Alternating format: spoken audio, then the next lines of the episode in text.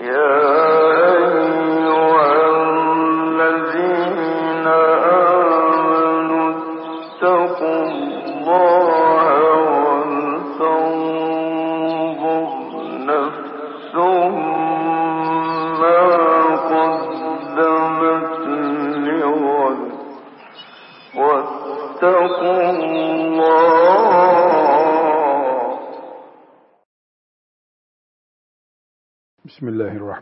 Bismillahirrahmanirrahim. Elhamdülillahi Rabbil alemin. Ve sallallahu ve sellem ala seyyidina Muhammedin ve ala alihi ve sahbihi ecma'in. Olgun bir mümin, Rabbinin rızası yolunda yürüyen bir mümin için gerekli tavsiyeleri ihtiva eden, daha doğrusu daha orijinal kitaptaki ifadesiyle takva hayat yaşama yollarını gösteren bölüm okuyoruz. Kalp açısından, manevi eğitim açısından sakıncalı olan şeyleri zikrederken belli şeyler sayıldı. Bunlardan Müslüman uzak durmalı dendi. Şimdi kibir başlığına geldi. Kibir Müslüman için Allah'ın yolunda giderken bir sıkıntı oluşturuyor. Bu sıkıntı yer yer büyüyor o kadar ki sık sık hadis-i şeriflerde duyuyoruz. Mümin kibrettiği zaman, kibirlendiği zaman cennete girmesini engelleyecek çapta bir hataya düşüyor. Bu sebeple kibir nedir? Dinimiz açısından kibir hangi gözle bakılmalıdır? Ve kibirden uzaklaşmak için nelere dikkat edilmelidir? Bu başlı başına bir derstir müminin hayatında. Zira Efendimiz sallallahu aleyhi ve sellem iç dünyasında kibir bulunanın cennete girmeyeceğine dair ikazlarda bulunmuştur. Bu ikaz mümin olarak hepimizedir. Allahu Teala'nın insan oğlunu Adem'in çocukları olarak yarattığını, Adem'in ise toprak olduğunu, toprak asıllı olduğunu, dolayısıyla insanların birbirlerine o daha küçük, ben daha büyüğüm şeklinde bir üstünlük taslamasının anlamı olmayacağını Müslümanlığımız bize öğretmiş olması gerekiyor. Kibir nedir? İnsanın bir açıdan kendisini başkalarından daha büyük görmesidir. Para mal, şöhret, koltuk, güzellik, başkalarını hor görme nedeni olduğu zaman bu kibirdir. Mesela derisi beyaz olan, siyah deriliği ikinci sınıf, kendisini birinci sınıf görüyorsa, malı olan, patron olan birisi, işçi ona selam verdiğinde ve aleykümüsselam demeye bile uygun görmüyorsa, e buyur ne istiyorsun diyorsa, çünkü aleyküm selam demek onu bir tür kardeş görmek gibi oluyor. Yani işçinin selamını bile almıyor. Bu bir kibir. Siyasi bir veya herhangi idari yerde bir koltuk sahibi olan birisi e, o koltuğun idaresi altında olanları bir tür kendi düzeyinde olmayanlar olarak görüyorsa bu bir kibir. İkinci insanı basit görmek hor görmek. Kibir çeşididir.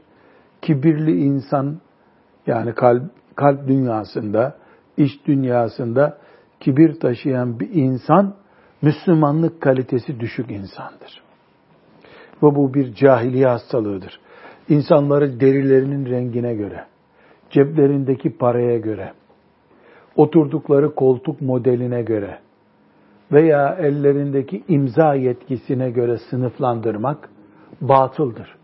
Tek yapılacak sınıf insan olmak veya olmamak sınıfıdır. İnsan, insan olmayan bütün mahluklardan, hayvan vesaireden değerlidir.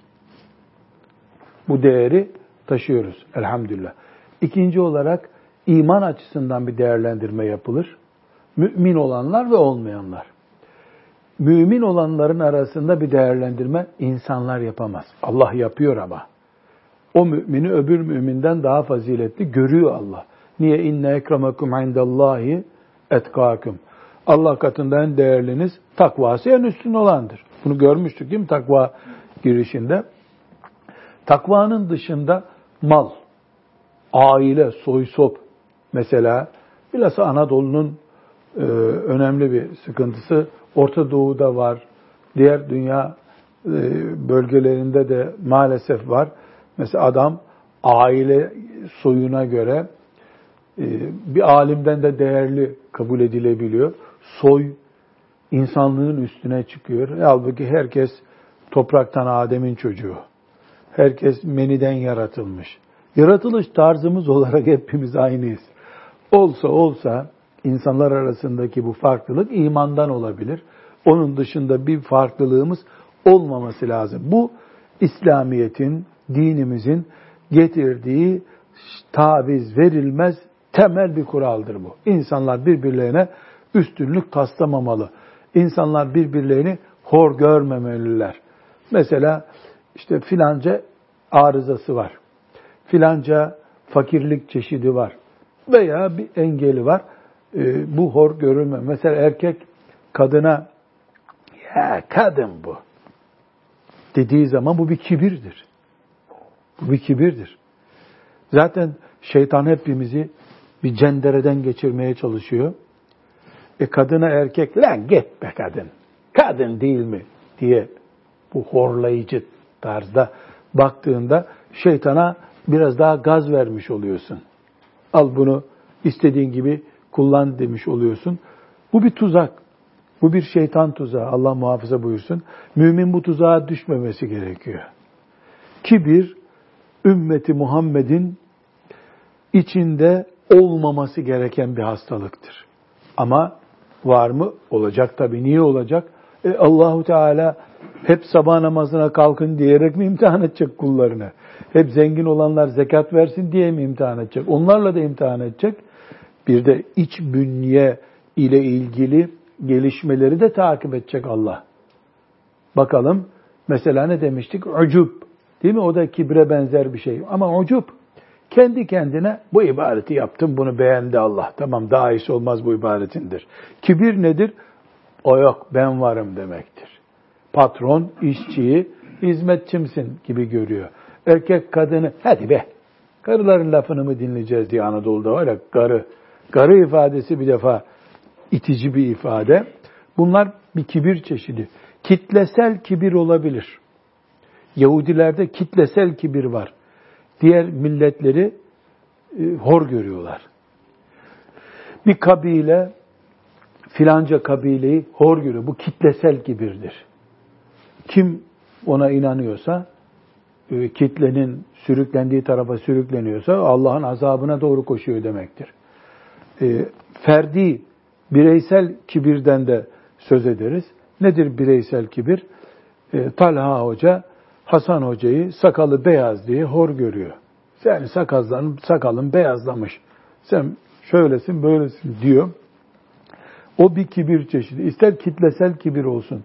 Bir kitle öbür kitleyi hor görsün. İsterse bir Müslüman öbür Müslümanı hor görsün. Bu hor görme, kibir, aşağılı, aşağılama hastalığı cennete girmeye engeldir. Şimdi bir gibinin rahmetullahi aleyh e, afetlerden bir afet olarak saydığı e, bu kibirle ilgili e, uyarılarına dikkat edelim. Evet hocam 218. sayfadayız değil mi? Evet. Hadis. E, hadisi şerif naklediyor bize. Hadisi şerif e, Resulullah sallallahu aleyhi ve sellem Efendimizin ağzından çıkıyor. E, hadisimiz sahih, Müslim ve Tirmizi kaynaklı hadis. Dolayısıyla hadisin şakası yok. Peygamber sallallahu aleyhi ve sellem'in sözü. Nesini şaka yapacaksın? Hadisin şakası yok. Bu dindir. İslamiyet'in, Müslümanlığımızın, dindarlığımızın kibre yani bu git be sen kimsin? İster sözlü söyleyeyim bunu, ister tavırlarıma yansısın. Kibir illa sözle söyler, tavra da yansır. Ben kibri belki en bariz düğünlerde gördüğümü söyleyebilirim. İnsanlar düğünde mesela misafir olarak bir masaya oturacak. e, orada kimler oturuyor diye soruyor düğün davetiyesine. Yani fakir fukaranın oturduğu yere oturmuyor. Kibir işte. Kibir çeşidi. İftar sofrasında yapılıyor bu. Protokol masası diyorlar. Tamam güvenlik nedeniyle mesela diyelim e, güvenlik sorunu olan bir e, siyasi lider veya bir hakikaten halkın içine karışmasında emniyet açısından sakınca vardır. Yani ona özel bir masa yapılabilir. Korumalarıyla orada oturur. Bir sıkıntı yok. Ama o bunu istememeli. Bunun dışında A sınıf insanların masası, B sınıf insanların masası hep kibir uygulamaları bunlar. Düğünde bile var. İnsanlar hatta davetiye dağıtırken bile birine davetiyi bizzat kendi götürüyor, öbürüne çocuğuna veriyor. Götür bu davetiyi diyor. E gelmese de olur çünkü. Hor görme, insanı ikinci sınıf görme. Fakirliğine göre, memurluğuna göre, işte neyine göre görüyorsan bu hor görme, insanı hor görme kibir çeşididir.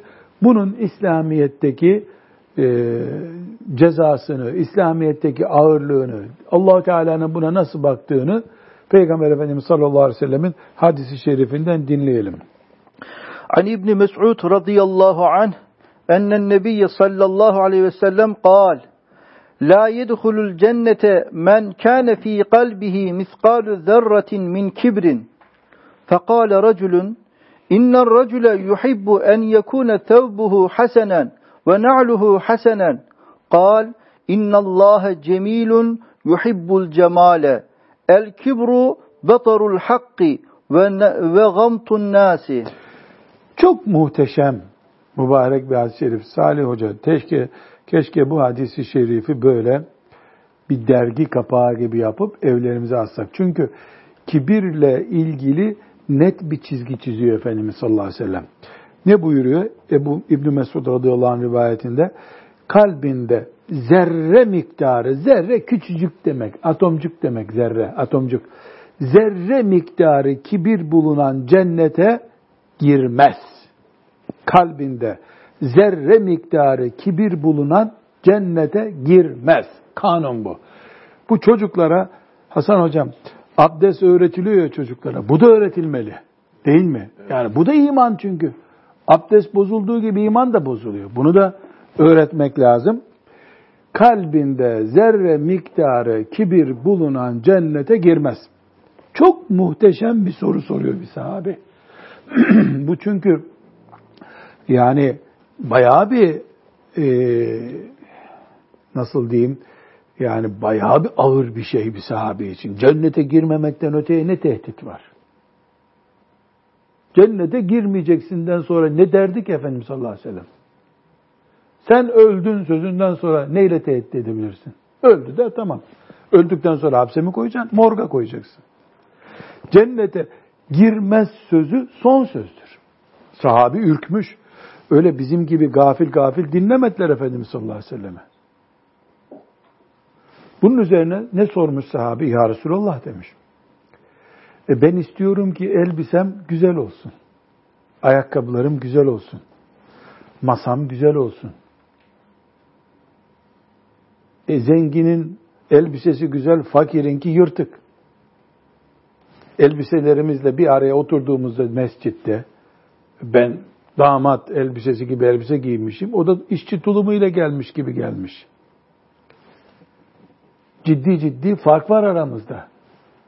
Efendimiz sallallahu aleyhi ve sellem ne cevap veriyor? Şimdi tehdit çok büyük. Cennete girmez kalbinde kibir olan. Benim elbisem yakışıklı, onunki yırtık. Buyurmuş ki Allah güzeldir, güzeli sever. Kanun. Yani senin şık giyinmen, temiz giyinmen, ayakkabının boyalı olması, evinde güzel pencerelerin olması, perdenin güzel olması kibir değildir. Allah'ın verdiği nimeti kullandın. Peki kibir nedir? Kibir batarul hak. Hakkı ezmektir. Ve gamtun nas insanları hor görmektir. Çok ciddi bir çizgi bu. Hak nedir?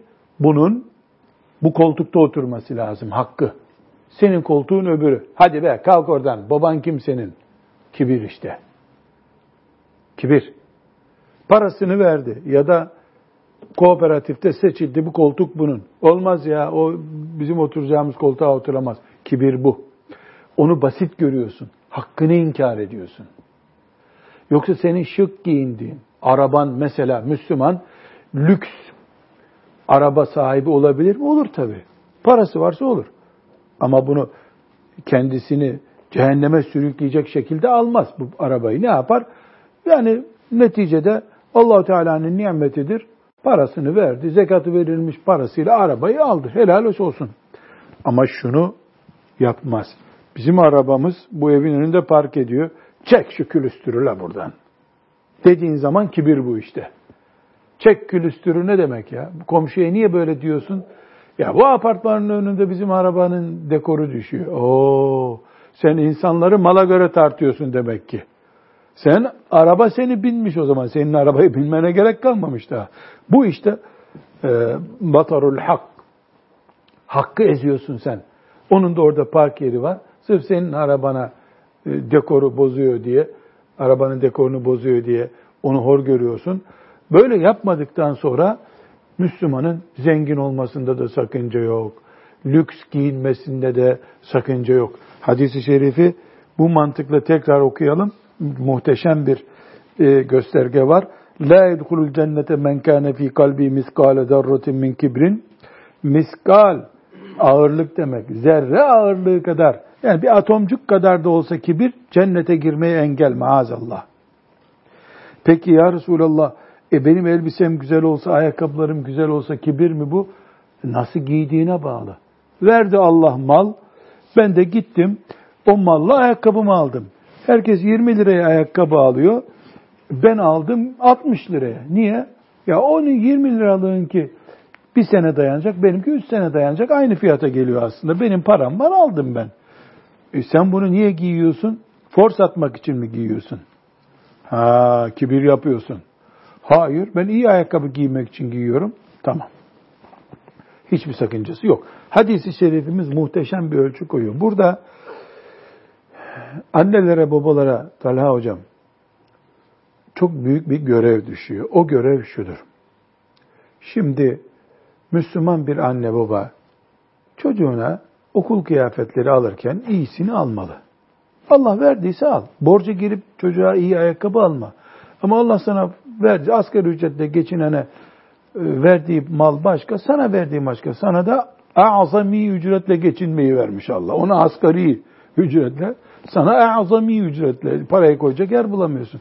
Lakin çocukları yetimlerinde bulunduğu, fukaranın çocuklarının bulunduğu bir okula gidiyorsun yavrum.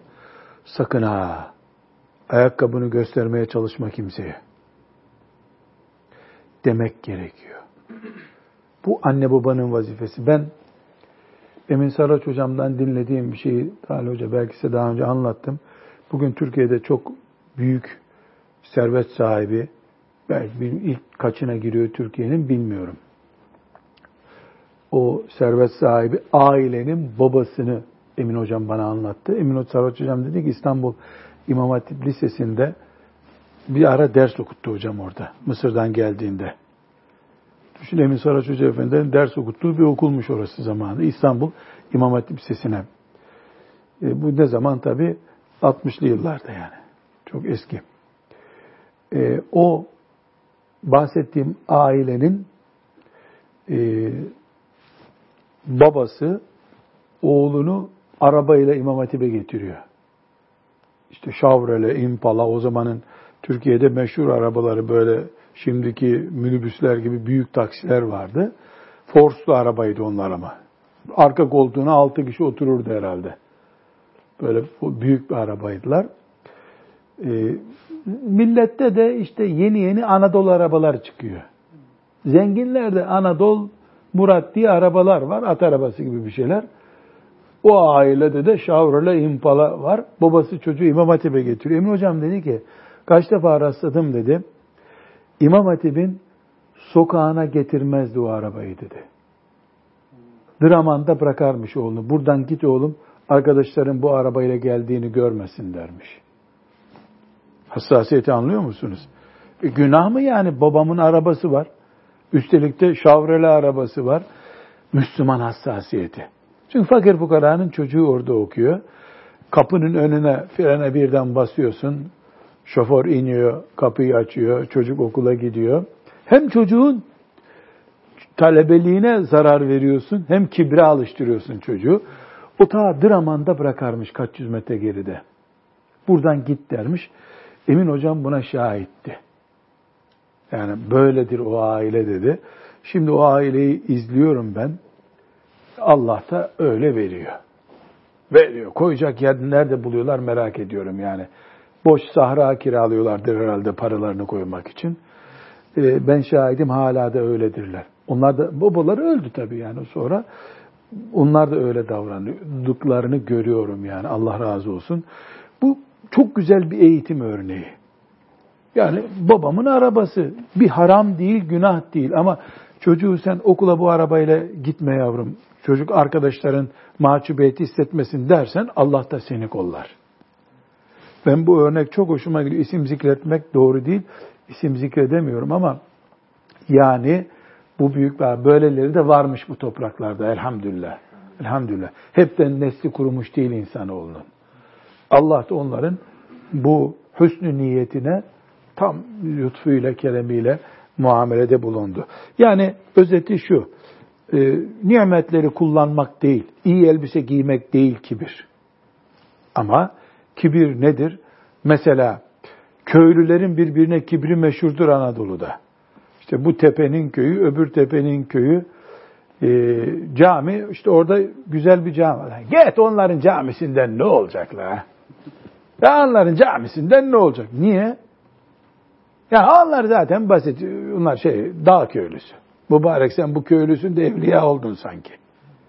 Köylü ne yapıyor? Öbür köyü hor görüyor. Yo, hepimiz Allah'ın kullarıyız. Mezara nasıl gireceğimiz belli değil. Mezarda ne, ol, ne olacağımız. Aynı kurt yiyecek bizi mezarda. Seni hangi böcekler yiyecekse onu da o böcekler yiyecek. Yani senin etin daha besiliyse e, ne mutlu böceklere epey bayram edecekler. Buna mı seviniyoruz? Kibir büyük bir hastalık. Bu ümmette olmamalı. Kur'an terbiyesi görmüş ümmet farklı olmalı.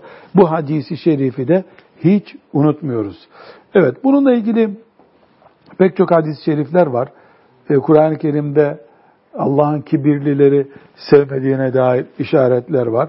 Ama her halükarda e, biz mesele anlaşıldı. Bunu konuşmaya bile gerek yok. Çünkü insani bir suç kibir bir defa ya. Hadi İslam bunu yasaklamasa bile insanlık suçu bu. Aynı anadan doğuyorsun. Anne aynı anne seni emziriyor. Sonra sen bir hasbel kader bir yerde müdür oluyorsun. O başka bir yerde işçi oluyor diye senin önceliğin niye olsun ki? Hesabın daha ağır olduğu için kıyamet günü senin daha fazla endişe etmen lazım. Oturup ağla sen asas. Kıyamet günü senin derdin daha büyük diye. Esbabul kibir e, nedir? Yani nerelerden kibir ürüyor? E, bunları bir gibi rahmetullahi aleyh zikrediyor. E, önemli yani şunun için önemli bu. Bu hastalık nereden neşet ediyor? Mesela bronşit nereden? Astımla bir ara uğraştın değil mi Salih? Hocam Evet astım bir, bir miktar var bende. Ha. Biliyorum. Mesela astımın nedenleri değil mi? Doktor sana söylüyor. Evet. İşte soğuğa dikkat edeceksin diyor. İşte havasız yer. Neler sayıyor? Bu bir sebepleri evet, var. Evet. Durup dururken olmuyor. astım olmuyor insan. Evet. O sebepleri giderirsen ya da o sebepleri bilirsen mesela seninle biz Bolu'ya daha gittiğimiz zaman. zaman bakıyorum sen hemen böyle ilaçlar milaçlar alıyorsun. Evet. Açık hava sana dokunuyor çünkü. Evet. Yeşillikli. Biz yeşil yer arıyoruz, sen kara yer arıyorsun. Evet. Ee, bu bir hastalıksa, sende de bu hastalık varsa bak tedbir alıyorsun. Demek ki kibir de bir tedbiri gerektiriyor. Bu tedbiri de bir gibi şuralardan ürer bu. Mikrobu bunun budur diyor. Onları okuyalım. Bir. E, el ilmu Birinci sebebi ilimdir kibrin. Subhanallah her şey ilimle düzeliyor ama ilim bazen de kibir sebebi oluyor. Esbabi ve eşedduha ve as'abuha ilacen. Alimlerin kibri tedavisi en zor kibirdir. Bu matematik alemi de olur. Kimya bilgini de olur. E, normal fıkıh bilen alim de olur. Neden? Çünkü kibir insandaki bir farktan kaynaklanıyor. Zengin kibirleniyor. Niye? Para dolu cebi. Fakir neyle kibirlenecek zavallı? Yakışıklı çocuk saçlarını böyle mesela ikide bir başını geriye atıyor. Yanındakilere bakın şu saçları annem bir sürü taradı diyor. Kadın, kız güzelliğinden kibirleniyor. Bir şeyin olacak kibirleneceksin. E bir toplumda bir camide namaz kılıyorsun. Bin kişi var camide. Sultanahmet Camii'nde bin kişi bir cumayı kılıyordur rahat değil mi? Daha fazla belki de daha fazla bin kişiden fazla. Onların içinde okunan Kur'an olduğu gibi anlayan bir tek sensin. Tam kibirlik bir depoydu. Kibir deposu. Elbette o ilim sahibinin herkesten önce tedbir alması lazım. Nasıl Salih Hoca biz piknik yerine gittiğimizde tedbir alıyor. E, alim de ona göre tedbir alacak. Minberin arkasında kılacak namazı millet ona ikide bir el öpmesin diye. El öptürmeyecek. Tevazu yollarını arayacak. Demek ki alim oldukça insan garantide olmuyor, riski artıyor üstelik. Daha fazla. Bu birinci sebep. Ondan sonraki yani il, neler oluşturuyor bunu diyordur. İki, el ibadetu vel vera'u. Allahu Ekber. Evet. Fe innel abidel vera'a kad yetekebberu alel fasiki. Allahu Ekber. İbadet. Hiç teheccüd kaçırmıyor. Hayatında hiç şüpheli çay içmemiş. Bir kuruş kursağına haram girmemiş. Cennetlik la bu adam değil mi? Cennette şeytan içinde bulunmaz müşteri ama. Niye?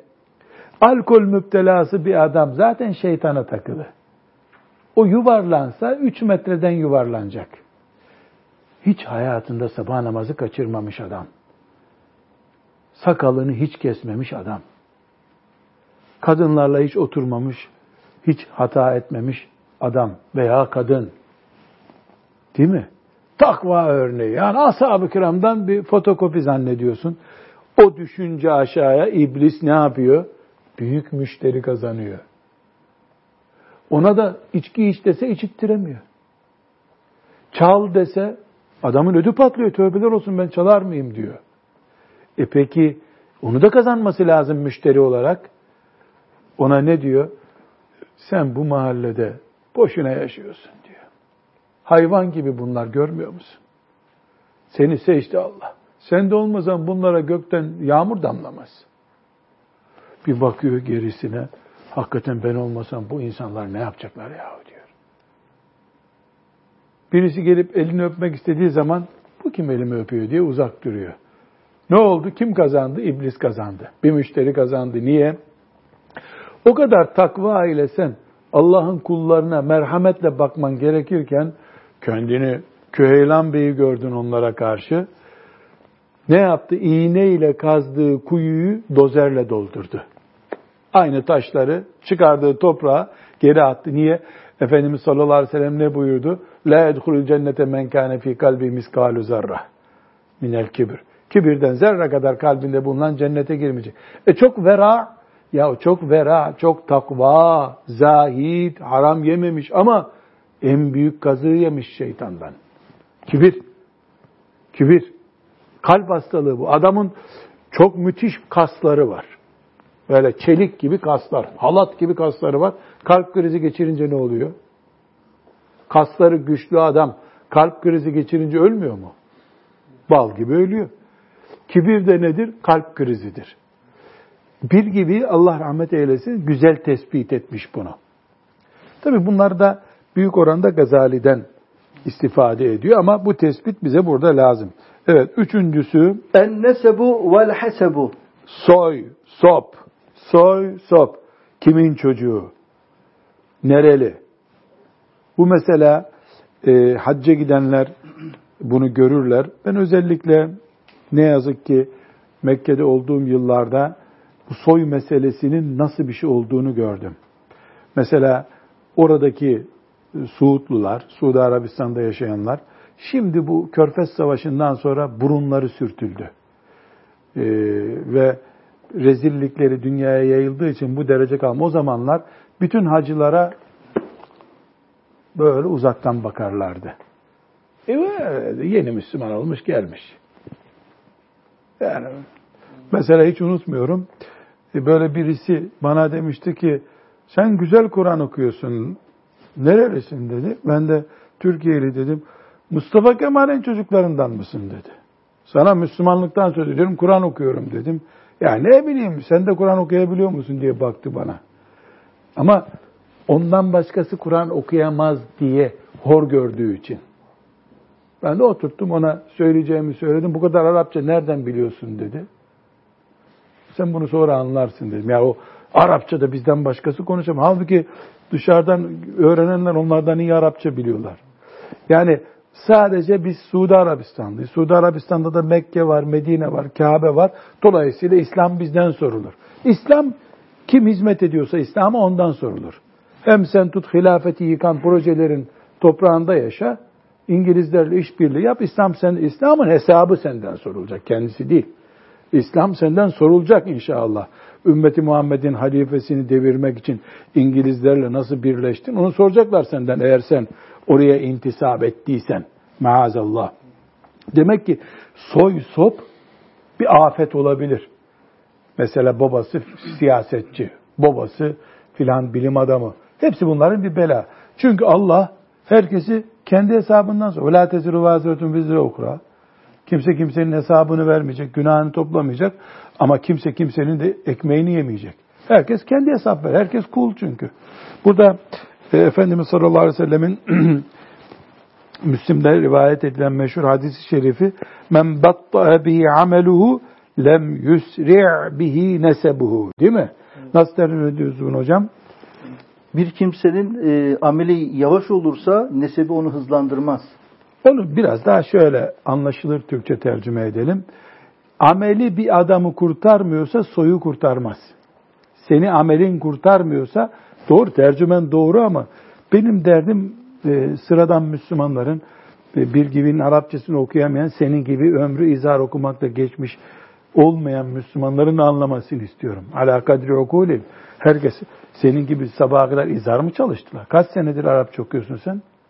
Yani bizim sadece e, Arapça eğitimimiz 10 yıl eğitim aldık sadece hocam. Evet. Sadece eğitim. Şimdi yani. insanlar işi gücü bırakıp 10 sene Arapça mı okuyacaklar seni anlamak için? Men batta bihi amelu lem yusri' bihi nesebu. Seni amelin kurtarmıyorsa soyun kurtarmaz. Bu tercüme daha iyi değil mi anlaşılması evet, için? Evet.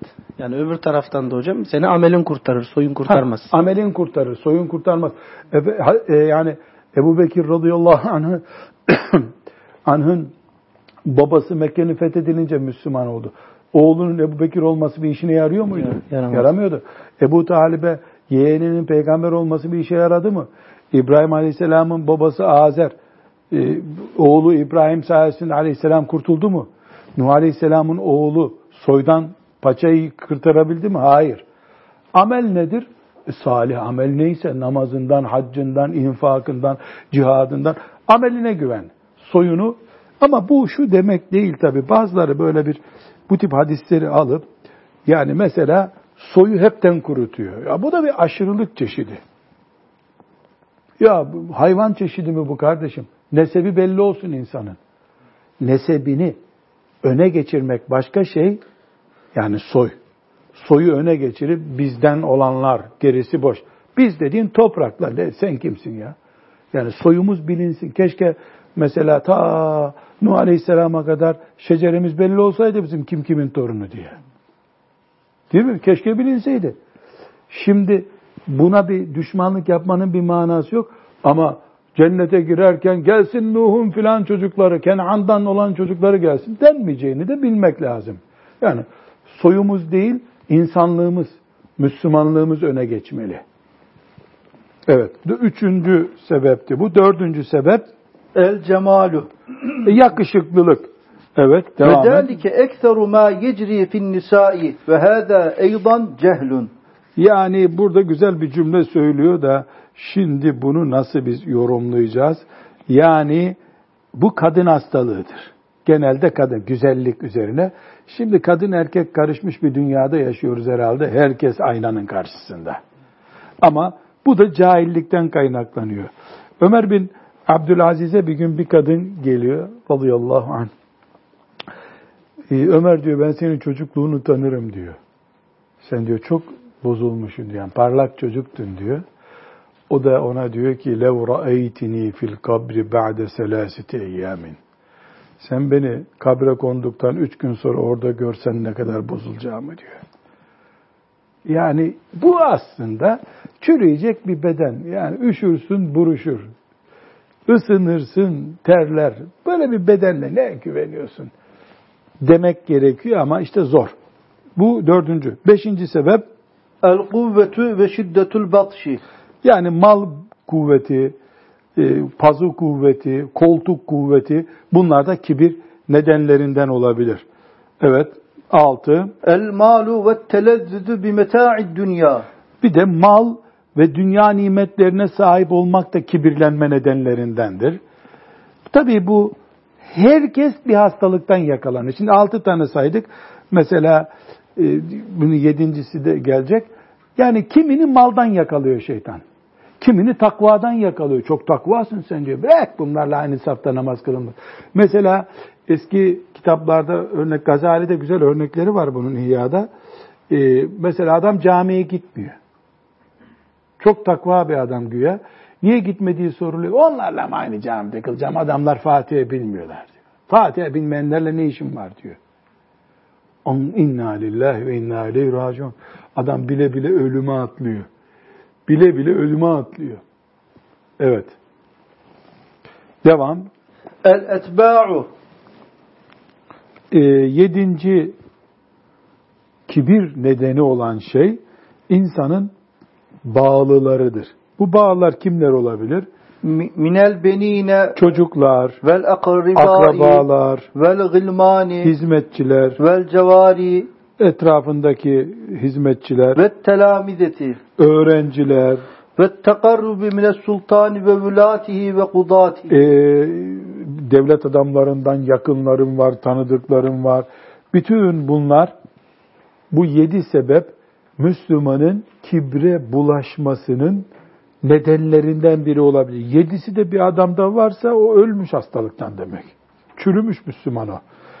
Ama genelde ne olur? İlimden kaynaklanır, zenginlikten kaynaklanır. İşte filan belediye başkanının tanıdığıyım ben.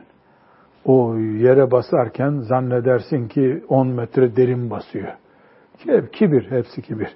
Evet, yeni bir başlığa geçelim. Kibrin alametlerini sayabilir miyiz? Bu önemli bir başlık. Kibirden korktuk. Kibir cennete girmeye engelliyor. Pek. Kibirden kurtulmak istiyoruz. Bende kibir var mı, yok mu? Bunu test etmem lazım değil mi? Mesela kibir varsa bende ondan tövbe edeceğim. Çünkü kibirden, kibirden tövbe etmek mümkün mü? Elbette mümkün.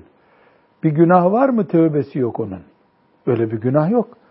Her günahın tövbesi var. konuya girmeden önce e, şunu sormak istiyorum da yani bir Müslümanın hiç mi kibir hani her şeyin bir istisnası olduğu gibi bu kibrin de istisnası yok mu hocam? Kibrin hiçbir istisnası yok. Vakarı var Müslümanın, heybeti var. Mesela kafirin önünde Müslüman dik durur. Bu kibir değildir. Onurlu duruştur. Kafire karşı onu hor gördüğünden değil, imanını aziz gördüğünden durursun. Bu bir nebze karıştırılıp şöyle deniyor. E, kafire karşı kibir helaldir. Ona vakar diyoruz. Bu çünkü ona helal, buna haram diye karıştırırken kibir günlük iş haline gelir Allah göstermesin. Evet. Kibrin alametleri nelerdir? Feminha en yuhibbe kıyamen nasi lehu. O içeri girince insanlar ayağa kalksın istiyor. Yani geldiği belli olacak. Bu bir hastalık. E ella yemşiye illa ve ma'ahu gayruhu yemşi halfehu. Bir yere gideceği zaman arkasından muhakkak 3-4 kişi e, geliyor görünecek. Yani kalabalık görüntüsü verecek. Ella yezura gayrahu. O insanları ziyarete gitmiyor hiç. Ama hep onu ziyarete geliyorlar. Niye gitmiyor? O hiç onların peşine gider mi? Ayıp bir şey ya. Yani hiç, o büyük adam çünkü o. Hastalıkların işaretlerini sayıyoruz. En ye- yestenkife min culusi gayrihi illa bil kurbi minhu. Bil kurbi minü illa değil. Ee, yani mesela burada oturdu. Onun yanına oturacakları seçiyor. O otursun yanıma diyor. Ya çulsuzları oturtmayın yanıma. Yanına oturturken bile bir seviye kolluyor. Maazallah tabi bunlar hep hastalık işaretleri. En yetevakka mücalesetel merda vel ma'lulin. Yani mesela engelli bir insanla bir arada durmuyor. Hastaları ziyaret etmiyor. Mesela hediyesini gönderiyor. Telefon ediyor ama hastanın yanına yanaşmıyor. Ee, hastanın üstü başı pis gibi böyle iğreniyor. En la yete'ata biyedihi şuglen fi beytihi. E bunun altını mı çizelim, kitaptan mı silip atalım bunu? Kitaptan mı silelim? Ne dersin Talha Hoca? Ella yete'ata biyedihi şugulen fi beyti. Evde ev işlerini yapmayı kendine yakıştıramıyor. Bunu ne yapalım Talha Hoca? Silelim mi kitaptan? Demek ki ev işini karılar yapar. Erkek ev işi yapar mı? Bu bir kibir alameti. Ayşe anamız radıyallahu anha Efendimiz sallallahu aleyhi ve sellemin ev işiyle ilgili ne buyuruyor? Herhangi bir insan gibiydi. Evde işini görürdü. Söküğünü dikerdi. Ayakkabısını tamir ederdi. Değil mi hadis-i şerif? Bizzat ayakkabıyı niye örnek veriyor Ayşe anamız? Çünkü en basit şey insanın ayakkabısına tutup onu da bir peygamber ayakkabıyı tamir eder mi? Ama e, bir Müslüman daha sonraki dönemlerde kalkar da evde karıya mı yardım edeceksin? Anadolu deyimiyle söylüyorum. Karı kelimesi kaba bir kelime aslında. Karıya mı yardım edeceksin? Yapsın onu. Diyorsa bu bir kibir işareti. Kibir işareti. Onda bu varsa başka e, kibir örnekleri de olabilir. Maazallah. Ella yahmile meta'a- meta'ahu ila beytihi. Evine eşyasını taşımıyor.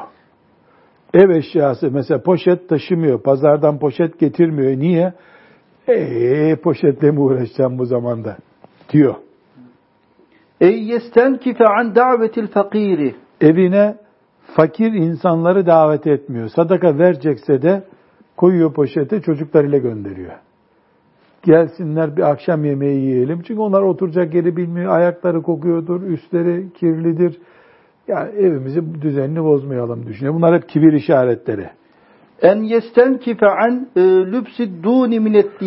Yani seviyesi pazarlığı ucuz yapılan markasız elbise şimdi diyorlar. Markasız giyinmiyor. Marka giyiniyor. Kibir. En yestenkife an qadai hacetil akribai ve rufakai fi suqi. Yani akraba ile ilgilenip akrabanın ihtiyaçlarını karşılama, e, dostlarına muhabbet etme bunları kendisine yakıştıramıyor. En yedhule aleyhi tekaddumul akrani fil meşyi vel culusi.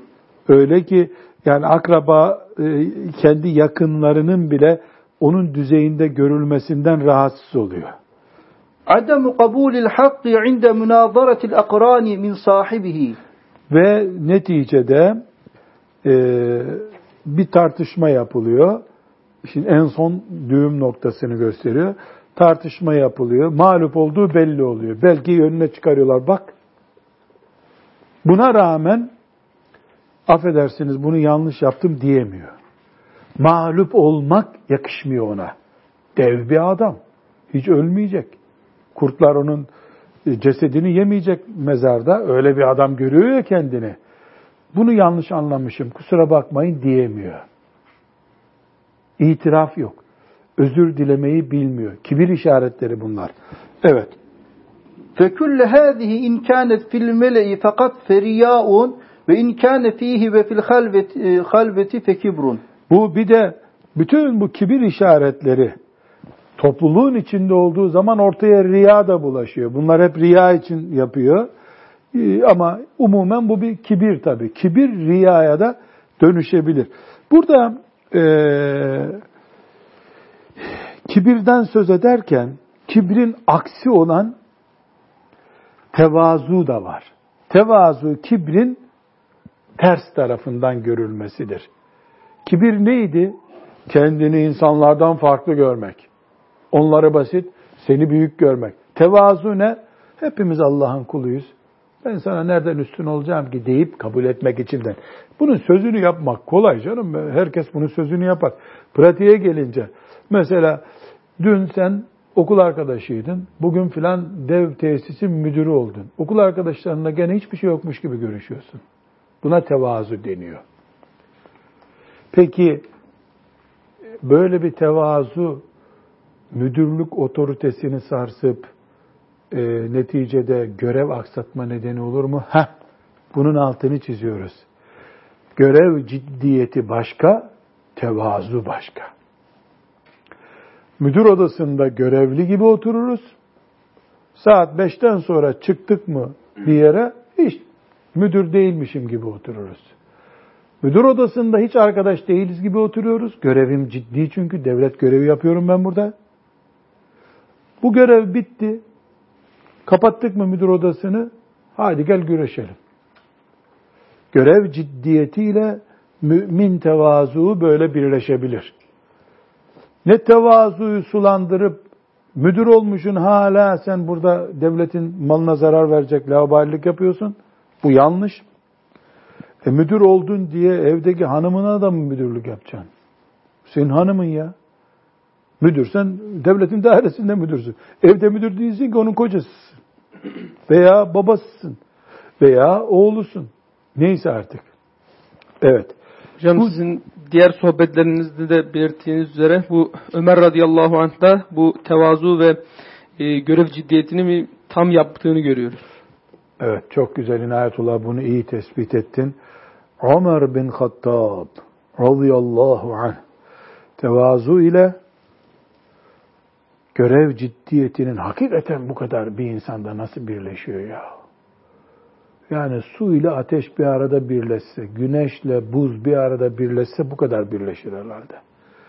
Görevinde hiç musamaha yok, tevazu da sırtında çuval taşıyor. O meşhur değil mi? Yanındaki hizmetçisi ver ben taşıyayım da diyor, kıyamet günü sen benim günahlarımı taşıyacak mısın diyor. Ömer bir başka. Ama oğlum Ömer'in örneği yok. Bunu da unutma.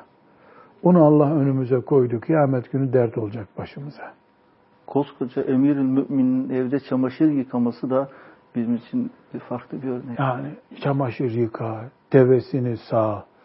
Bu acayip bir şey bunlar ama hep dert kıyamet günü. Çünkü allah Teala onu önümüze koyacak. Bak böyle olunabiliyordu. Müslümanlık buydu diyecek. Sen niye siyasete bulaşınca değiştin? Ömer de siyaset yaptı radıyallahu anh. Hem de siyaset yaptı. Kaç ülke avuçlarının içine girdi. Radıyallahu anh vardı ama herkes sevdiğiyle beraber mi kıyamet günü? Ömer'le beraberiz inşallah. İnşallah. Burada iki hadis-i şerif var hocam. Onları okuyalım. Kibrin ters taraftan uygulanışını yani tevazuun önemini anlatıyor. Evet Ebu Davud'un hadisini okuyor. قال رسول الله صلى الله عليه وسلم إن الله أوحى إلي أن تواضعوا حتى لا يبغي أحد على أحد ve la yefharu ahadun ala ahadin. Evet. Allah bana vahyetti.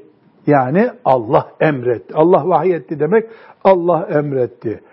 Tevazu göstereceksiniz. Kimse kimseye üstünlük taslamayacak. Kimse kimseye karşı övünmeyecek. Allah'ın kanunu bu. Müslümanlık standardı. Ömer bin Hattab'da gördüğümüz şey.